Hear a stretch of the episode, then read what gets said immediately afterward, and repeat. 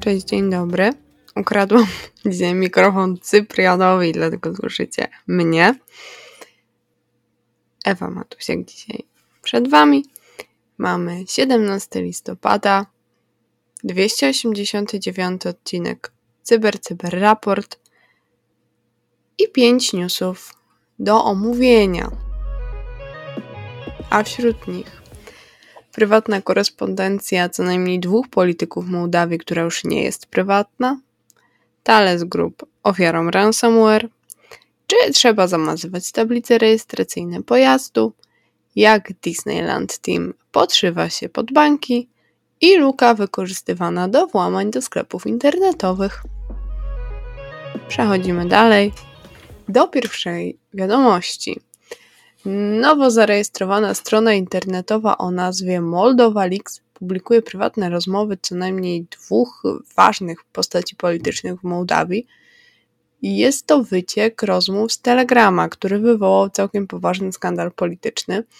Najpierw w zeszłym tygodniu wyciekły wybrane część tylko prywatnych rozmów ministra sprawiedliwości Mołdawii, a kolejną ofiarą w tym tygodniu okazał się dotychczasowy doradca prezydenta do spraw obrony i bezpieczeństwa narodowego oraz były minister spraw wewnętrznych Mołdawii, także mamy dwie naprawdę ważne postaci.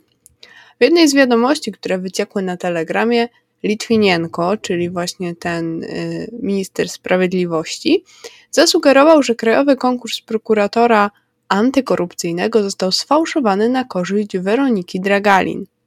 Prorosyjskie partie opozycji politycznej w Mołdawii przedstawiają te wiadomości jako jednoznaczny dowód na to, że minister musiał być skorumpowany. Wzywają równocześnie parlament do odwołania zarówno jego, jak i Weroniki Dragalin. Wielu z y, tych prorosyjskich polityków, którzy teraz tak głośno mówią o odwołaniu, jest objętych dochodzeniami w sprawie czynnej korupcji i nadużycia władzy i na pewno skorzystaliby na usunięciu urzędników, którzy są odpowiedzialni za ściganie ich.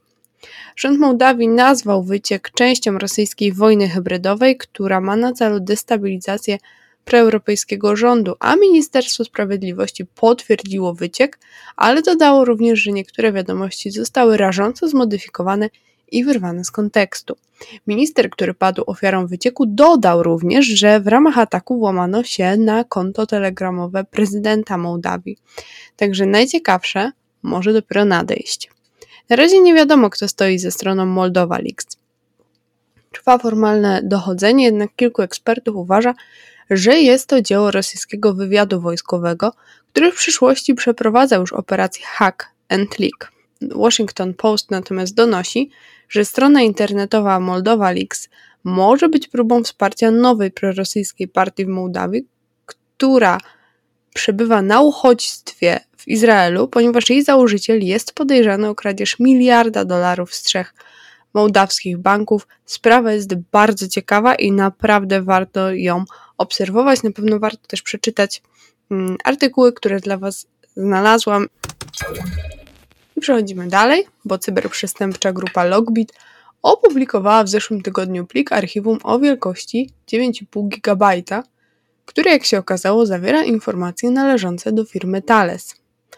A to dlatego, że firma padła ofiarą ransomware i nie zapłaciła cyberprzestępcom okupu. Pliki wydają się zawierać zarówno dokumenty techniczne, jak i korporacyjne. Hakerzy z Logbit twierdzą, że zdobyli bardzo wrażliwe informacje związane z działalnością firmy, a ponadto dokumenty handlowe, akta księgowe, akta klientów, rysunki struktur klientów i oprogramowanie. Thales potwierdził, że doszło do naruszenia, ale, ale przyznał, że nie w jego własnych systemach. Ich eksperci do spraw bezpieczeństwa są świadomi dwóch prawdopodobnych źródeł kradzieży. Jedno z nich zostało już potwierdzone, jest to konto użytkownika partnera na dedykowanym portalu współpracy i to spowodowało ujawnienie ograniczonej ilości informacji. Francuska publikacja Le Monde poinformowała natomiast, że ujawnione dane dotyczą kontraktów i partnerstw Thales w Malezji i we Włoszech. Thales kontynuuje jednak dochodzenie w sprawie in innych źródeł kradzieży, zaznaczałem również, że nie ma to wpływu na działalność grupy. Ściśle współpracują ze swoimi partnerami i zapewniają wszelkie niezbędne wsparcie techniczne oraz zasoby, aby zminimalizować potencjalny wpływ na zainteresowanych klientów i interesariuszy. Zobaczymy, czy nie wycieknie coś więcej. A teraz taka ciekawostka od Naczelnego Sądu Administracyjnego, ponieważ po raz trzeci w roku znajdujemy tezę, że numery rejestracyjne, przynajmniej w większości przypadków, nie zawierają danych osobowych i nie podlegają ochronie ze względu na prywatność. Nic nie stoi więc teoretycznie na przeszkodzie, by zamieszczać w internecie zdjęcia pojazdów i nie zamazywać tablic, i ponadto w takim wypadku można by publikować nagrania z wyjątkowo popularnych w Polsce rejestratorów samochodowych. Sprawa ma swój początek w tym, że jeden z obywateli domagał się od policji udostępnienia nagrania z wideorejestratora, jednak komendant powiatowy udostępnił jedynie fragmenty, ponieważ uważał, że całości nie może ze względu na ochronę prywatności. Wojewódzki Sąd Administracyjny w Szczecinie oddalił skargę na tę decyzję, uznając argumentację komendanta za słuszną.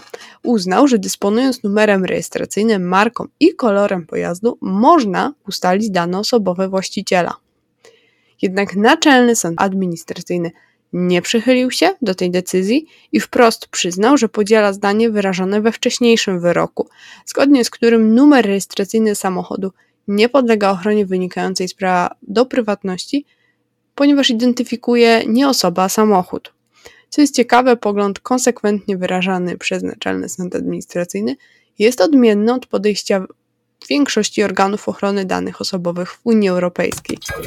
Grupa zajmująca się cyberprzestępczością finansową, nazywająca się Disneyland Team, chętnie wykorzystuje mylące wizualnie domeny phishingowe, które podszywają się pod popularne marki banków za pomocą Punicode – standardu internetowego, który umożliwia przeglądarkom internetowym renderowanie nazw domen zawierających alfabety inne niż łacińskie, np. cyrylicę. Grupa ta już wcześniej była znana z wykorzystywania błędów ortograficznych w swoich domenach. Teraz natomiast używają Punicode, a domeny Disneyland Team zostały zarejestrowane, aby pomóc grupie kraść pieniądze od ofiar zainfekowanych złośliwym oprogramowaniem bankowym. Oprogramowanie to specjalizuje się w zbieraniu danych uwierzytelniających i jest używane głównie do ataków na bankowość internetową po stronie klienta i umożliwia również atakującym łączenie się ze stroną internetową banku za pomocą komputera ofiary. W związku z wdrażaniem kolejnych zabezpieczeń, cyberprzestępcy poświęcają po prostu więcej czasu, aby ich witryny wyglądały jak najbardziej prawdziwie – Dotyczy to również adresu domeny. Więcej przeczytacie na Crepson Security. Jest tam również lista domen używanych przez Disneyland Team. A na koniec dzisiaj coś dla e-commerce. Już w zeszłym roku Adobe wypuściło łaty dla luki CVE 2022-24086, ostrzegając właścicieli i administratorów sklepów internetowych, że luka w zabezpieczeniach jest już wykorzystywana w atakach. Błąd jest opisany jako usterka sprawdzania poprawności danych wejściowych w procesie realizacji transakcji, którą można wykorzystać bez uwierzytelniania w celu wykonania dowolnego kodu. Ma ona wpływ, ta luka, na sklepy Adobe Commerce i Magento. Mniej więcej 1 trzecia istniejących sklepów nie zastosowała tej łaty, co oznacza, że są one narażone na trwające próby wykorzystywania. A firma Sansec Twierdzi, że zaobserwowała wzrost liczby ataków. W ciągu ostatnich kilku tygodni zauważono, że cyberprzestępcy opracowali 7 wektorów ataku ukierunkowanych na tę lukę. Badacze bezpieczeństwa twierdzą również, że wzrost liczby ataków może wynikać z pojawienia się tanich zestawów exploitów, wysokiego wskaźnika powodzenia poprzednich ataków oraz po prostu czasu, ponieważ serwisy e-commerce są zazwyczaj bardzo obciążone w październiku, listopadzie i grudniu. Dlatego właśnie warto aktualizować na bieżąco i nie stać się ofiarą. I to wszystko, co dzisiaj dla Was przygotowałam. Oczywiście życzę Wam, abyście byli cyberbezpieczni. My słyszymy się prawdopodobnie jutro. Do usłyszenia. Cześć.